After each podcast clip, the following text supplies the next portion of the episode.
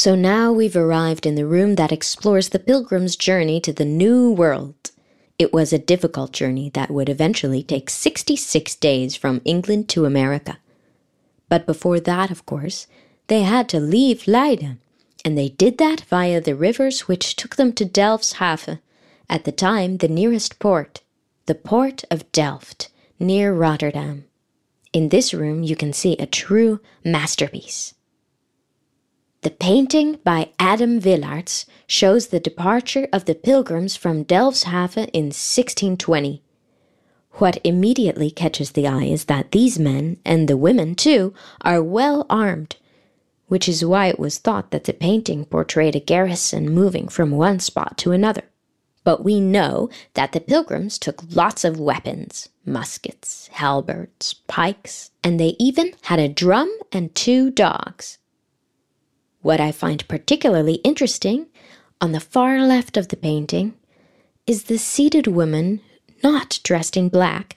Instead, she's wearing a magnificent red and blue cape. We have always been told that the Puritans and Pilgrims wore black. But that wasn't the case, and we know now that they wore the same clothes as everyone else in the 17th century. This woman is also holding a pike in her hand, and so they were ready to fight. They were aware this was going to be a dangerous journey. But they also would have been armed because they heard all kinds of stories about the New World, which was said to be populated by savages. It's not really a very merry group when you look at them like this.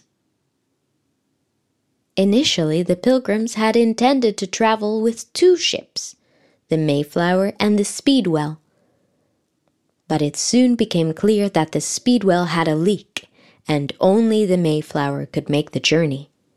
This meant that the Mayflower had a 102 passengers on board, which can't have been much fun.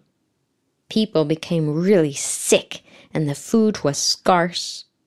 The pilgrims had been too trusting, too naive, and not businesslike enough when planning their trip, which meant their journey was enormously difficult but they would have believed that they were in God's hands.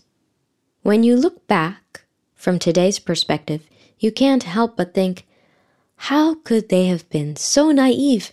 And how, in God's name, could they have done this? It's a miracle that they survived the journey essentially unharmed. If you turn around, you can see the text of the Mayflower Compact. Scan it to hear the next story.